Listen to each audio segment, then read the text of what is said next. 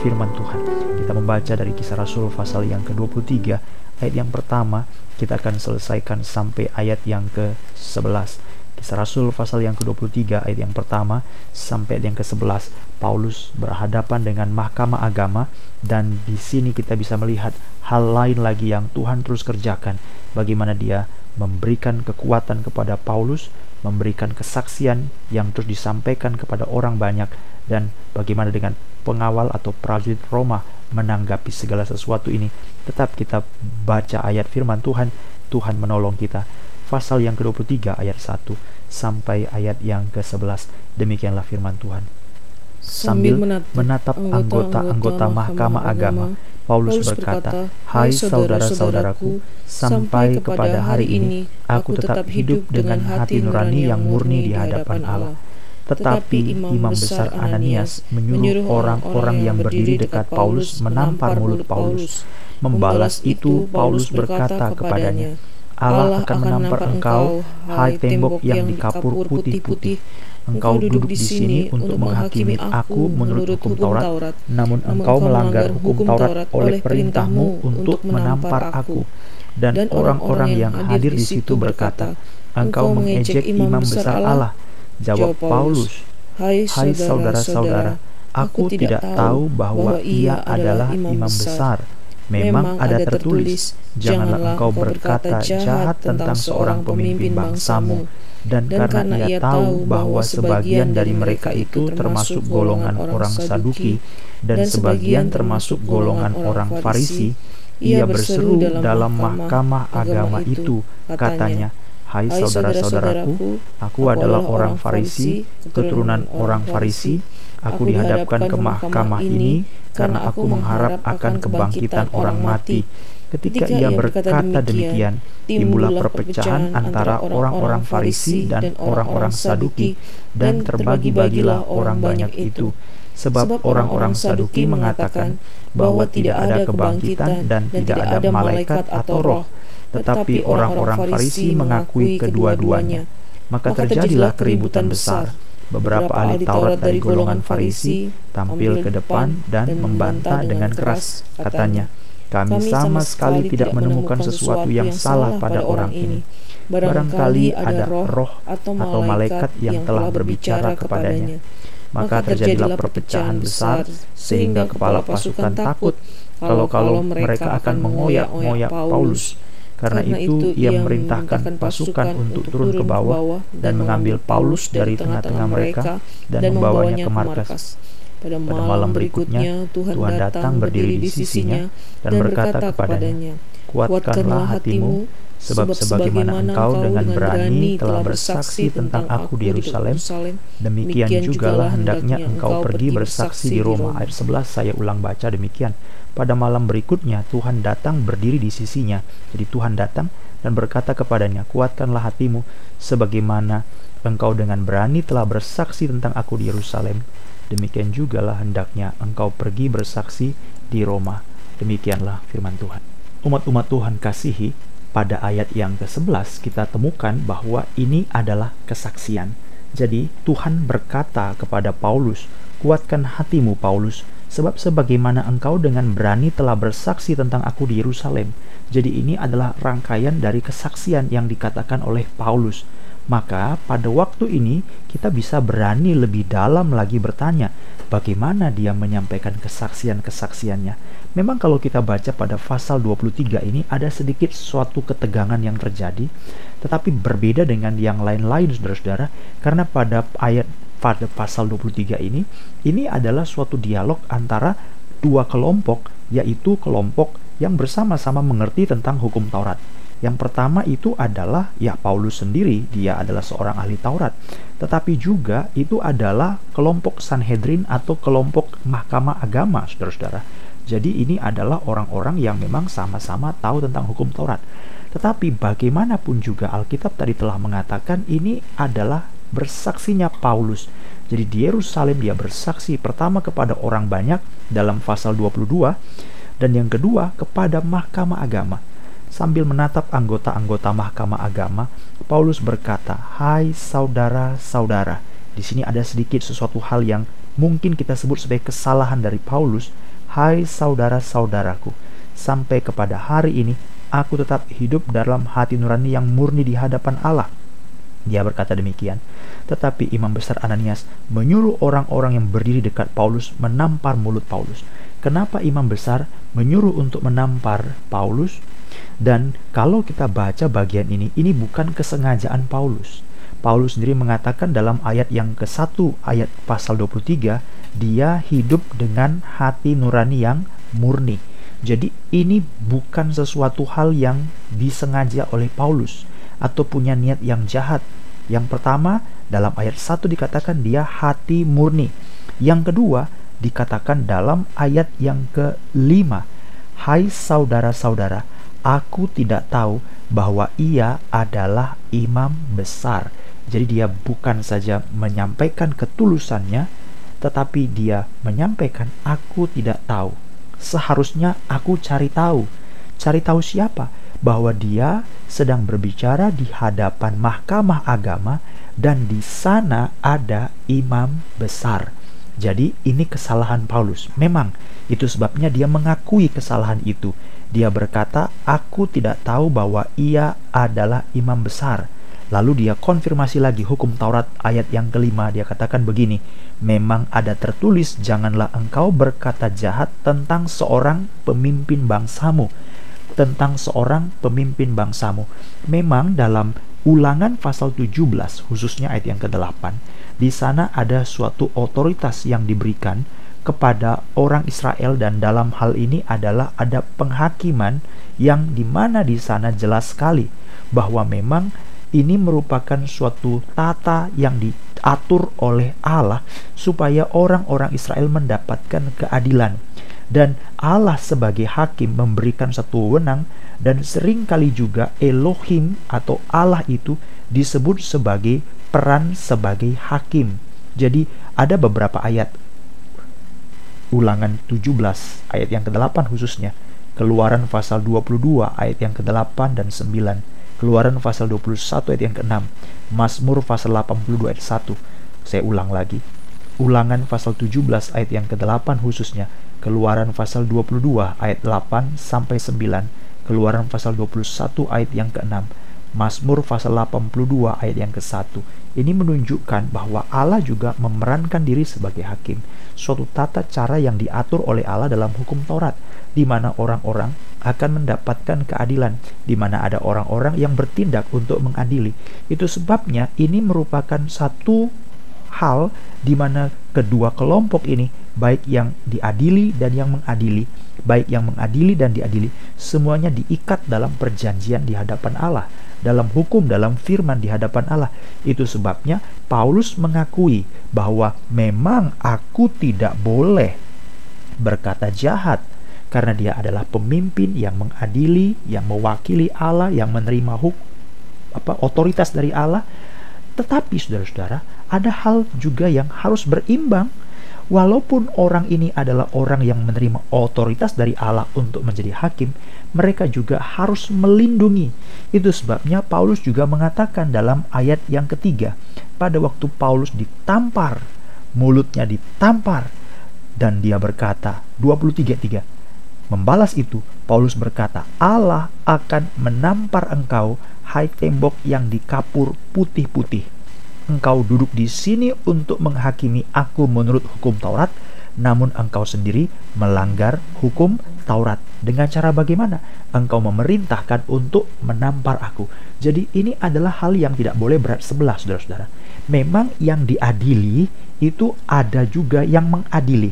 Dia memberikan sesuatu pertanyaan dan ini adalah orang yang menjawab pertanyaan. Jadi ada yang meminta keadilan, ada yang dihakimi, ada yang menghakimi, ada yang mengadili. Adalah otoritas Allah. Tetapi walaupun dia menerima otoritas Allah, dia juga harus melindungi orang yang diadili. Karena pengadilan itu adalah perlindungan Allah sendiri, saudara-saudara. Jadi ini adalah suatu hal yang harus berimbang. baik yang diadili, dia harus menghormati pemimpin yang mengadili. Baik yang mengadili adalah pemimpin yang harus menjaga dan melindungi yang diadili. Sehingga mereka ini kembali lagi saya katakan di awal adalah dua kelompok yang sama-sama mengerti tentang kitab suci. Itu sebabnya dia berkata bahwa kamu telah menghina, kamu tidak menghargai imam besar. Tapi Paulus dia berkata dengan jujur. Seperti di awal dia berkata, aku dengan hati nurani murni, tidak ada maksud apa, tidak menghina, tidak aku sadari bahwa aku salah. Aku tidak tahu kalau itu adalah imam besar. Nah, ada pertanyaan ini kenapa Paulus bisa sampai seperti itu ya? Dia mengakui bahwa dia tidak tahu. Tetapi ada beberapa hal yang mungkin kita lihat bahwa dalam hal ini bisa orang berkata, "Ah, mungkin itu Paulus memang dia sedang dikuasai oleh emosi." Barangkali mungkin ya, tetapi saya rasa tidak karena dia juga berkata dalam suatu ketulusan dan kemurnian. Dia betul-betul tidak tahu jadi apa yang menguasai dan mengada ini semuanya? Dan ada satu mungkin petunjuk kecil yang dapat kita tunjukkan. Mungkin memang di sini ada persoalan dari kelemahan tubuh dari Paulus sendiri. Dia begitu lelah, dia begitu lemah, dia begitu penuh dengan banyak penganiayaan sehingga dia mengalami sesuatu kondisi tubuh yang tidak sempurna lagi saudara-saudara. Dan kepada pernah kepada jemaat di Galatia pasal yang ke-6 ayat yang ke-11 dia mengungkapkan dua hal di sini yaitu dalam pasal Galatia pasal 6 ayat yang ke-11 dia berbicara lihatlah betapa besarnya betapa besarnya huruf-huruf yang kutuliskan kepadamu. Apa maksud kalimat ini? Nampak di situ bahwa memang seolah-olah Paulus itu menampakkan menunjukkan satu sinyal bahwa matanya tidak begitu jelas lagi sehingga pada waktu dia menulis dia harus menulis dengan huruf yang besar supaya bukan saja orang lain itu menunjukkan kesungguhan dia tapi dia kesulitan untuk memastikan bahwa apa yang dia tulis itu betul-betul memang seperti yang dimaksudkan. Kemudian kalau kita baca misalnya dalam Galatia pasal 4 ayat 15 ada suatu ungkapan yang dikatakan di sana bahwa sepertinya kalau aku dapat bersaksi kamu mencungkil matamu memberikan kepadaku. Apa maksudnya itu? Ya, Paulus punya kekurangan dalam matanya sehingga sepertinya orang Galatia itu dia bisa bersaksi bahwa kamu rela loh memberi matamu yang segar yang sehat itu untuk mengganti mataku yang sudah rusak ini.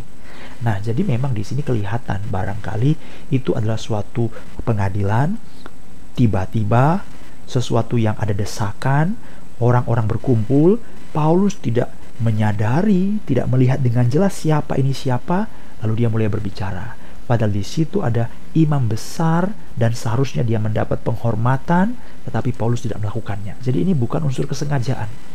Tetapi dari peristiwa ini, kembali lagi Allah mengatakan apa tadi? Bersaksi. Ada dua hal. Apa isi kesaksiannya? Kesaksian yang pertama adalah dia mulai membicarakan sesuatu hal yang sangat jelas. Paulus berdosa. Cepat-cepat dia mengaku kalau dia salah. Cepat-cepat dia mengaku kalau dia telah berdosa dan melanggar hukum daripada hukum Taurat, tidak menghargai pemimpin. Cepat-cepat loh.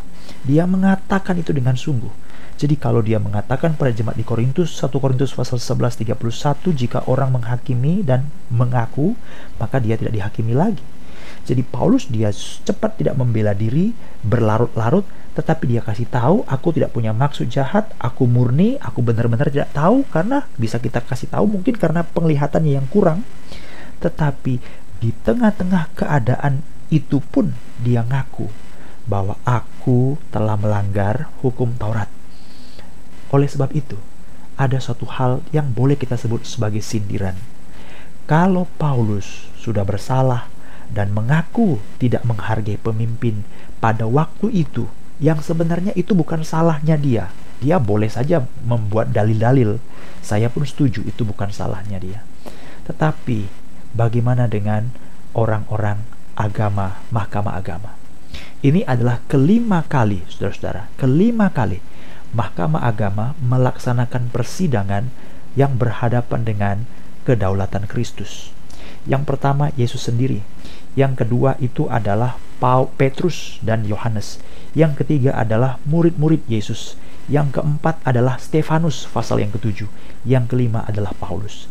Lima kali mereka menghadapi kasus yang sama. Tidak ada pertobatan, tidak ada pengakuan, tidak ada sesuatu. Mereka mengungkapkan kita sudah menghakimi orang yang tidak bersalah. Tidak ada, tidak ada. Sedangkan beberapa kali kita baca, nanti kalau kita temukan pada bagian-bagian selanjutnya, semua pejabat-pejabat Roma tidak menemukan kesalahan orang itu. Pilatus tidak menemukan kesalahan Yesus, tapi institusi yang sama adalah yang mengadili Yesus. Pilatus katakan tidak salah, tapi mereka katakan salibkan dia. Semua orang, semua orang, semua orang mengatakan tidak bersalah. Tapi lima kali, saudara-saudara, Paulus hanya satu kali loh. Salah aku mengakui. Tetapi orang agama lima kali tidak mengakui. Itu sebabnya ini suatu sindiran. Dan Tuhan berkata, engkau telah bersaksi. Puji Tuhan marilah hidup kita jadi saksi, saudara-saudara. Saksi betul-betul.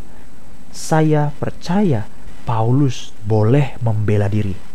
Dosanya yang melanggar itu bisa tidak diperhitungkan karena sungguh bukan karena kesengajaan dan karena kelemahannya. Hanya karena kelalaiannya seharusnya dia bertanya dahulu. Ini sidang, adakah imam besar?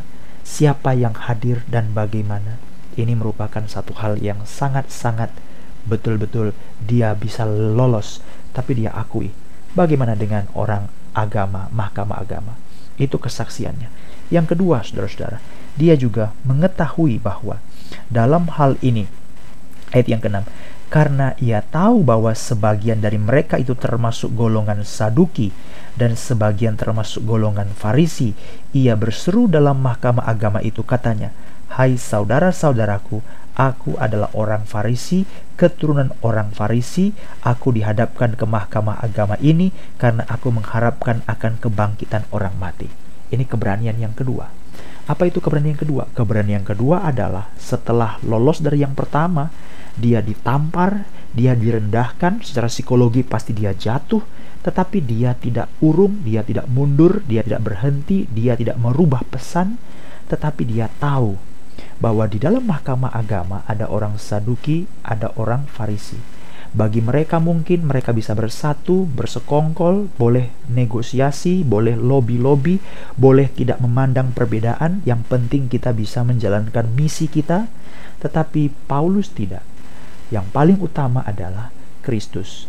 Sehingga dia tidak membicarakan persamaan-persamaan atau membuang perbedaan-perbedaan tetapi justru dia dengan berani mengatakan, "Aku orang Farisi." So what kalau kamu orang Farisi? Apa bedanya dengan kami? Kita sama-sama mahkamah agama, kita sama-sama menegakkan agama Yahudi, kita sama-sama ingin memberikan kemerdekaan kepada bangsa ini, kita sama-sama merayakan perayaan. Apa bedanya? Dia mengatakan perbedaannya. Aku mengharapkan kebangkitan orang mati. Itulah yang terjadi menjadi pesan daripada berita Kristus, Kristus yang mati dan bangkit dari kematian, yang menjadi buah sulung supaya apa? Supaya semua orang yang percaya kepadanya juga akan mengalami kebangkitan. Haleluya. Dan itulah sebabnya terjadilah perpecahan. Dan pada waktu perpecahan ini apa yang terjadi saudara-saudara?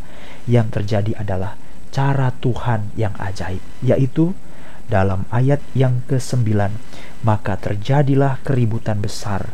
Lalu tampillah ke depan golongan Farisi dan berkata, "Kami sama sekali tidak menemukan sesuatu yang salah pada orang ini." Ini pengadilan yang kelima tentang Kristus, tentang pengikut Kristus, tentang ajaran Kristus, dan selalu ada ungkapan, "Kami tidak menemukan salah orang ini." Tapi tetap orang Farisi, orang mahkamah agama, orang Saduki tidak mau bertobat. Tetapi itu cara Tuhan untuk apa? untuk meloloskan dan membuktikan kepada semua orang termasuk kepada orang Roma prajurit bahwa betul-betul Paulus tidak bersalah. Sehingga apa yang terjadi? Yang ribut bukan lagi dengan Paulus, tapi sesama mereka mulai ribut, mulai ribut, mulai ribut. Sehingga apa yang dilakukan oleh pasukan, kepala pasukan takut kalau kalau mereka akan mengoyak-ngoyak Paulus, maka perintahkan turun ke bawah, ambil Paulus, bawa kembali ke markas. Jadi di sini ada sesuatu hal yang terjadi, yaitu apa? orang pasukan Roma yang betul-betul ingin tahu apa yang sebenarnya terjadi. Kalau kita baca pasal 22-30, dia ingin mengetahui dengan teliti apa sebenarnya yang terjadi dengan orang ini. Dia ingin tahu, dia nggak ngerti apa-apa tentang agama, tapi dia ingin tahu. Tapi di situ dia mulai ngerti bahwa tidak ada salah Paulus. Maka Claudius Lysias itu kepala pasukan mengirim surat. Dalam pasal 23 ayat yang ke-27 nanti kita akan baca dan kita akan ketahui itu dia mengatakan dalam bagian itu aku menghadapkan dia ke mahkamah agama. Ayat 29 pasal 23 ternyata dia didakwa karena soal hukum Taurat mereka tetapi tidak ada tuduhan atas mana ia patut dihukum mati atau dipenjarakan. Jadi jelas sekali saudara-saudara cara Tuhan ajaib itu sebabnya dalam Roma pasal 11 ayat 33, Oh alangkah dalamnya kekayaan hikmat pengetahuan Allah tidak ada yang pernah mengajari, tidak ada yang pernah berhutang kepada dia, tidak ada yang patut memberikan penasihatan kepada dia, hikmat dan kerjanya ajaib. Jadi biarlah kita percaya kepada Tuhan dalam segala hal kesulitan tantangan. Lihatlah senantiasa, pandanglah Tuhan, percayalah kepada dia. Itulah yang terjadi dengan Paulus Paulus dikatakan dalam ayat yang terakhir pada bagian 11 pasal 23. Tuhan menampakkan diri kepadanya. Kuatkan hatimu Paulus, karena sebagaimana engkau dengan berani telah bersaksi di Yerusalem, aku juga menyertai engkau bersaksi di Roma. Jadi Tuhan pakai dengan bagaimana cara. Kunci yang Alkitab hendak katakan, tetaplah berani untuk bersaksi. Allah yang membela kita.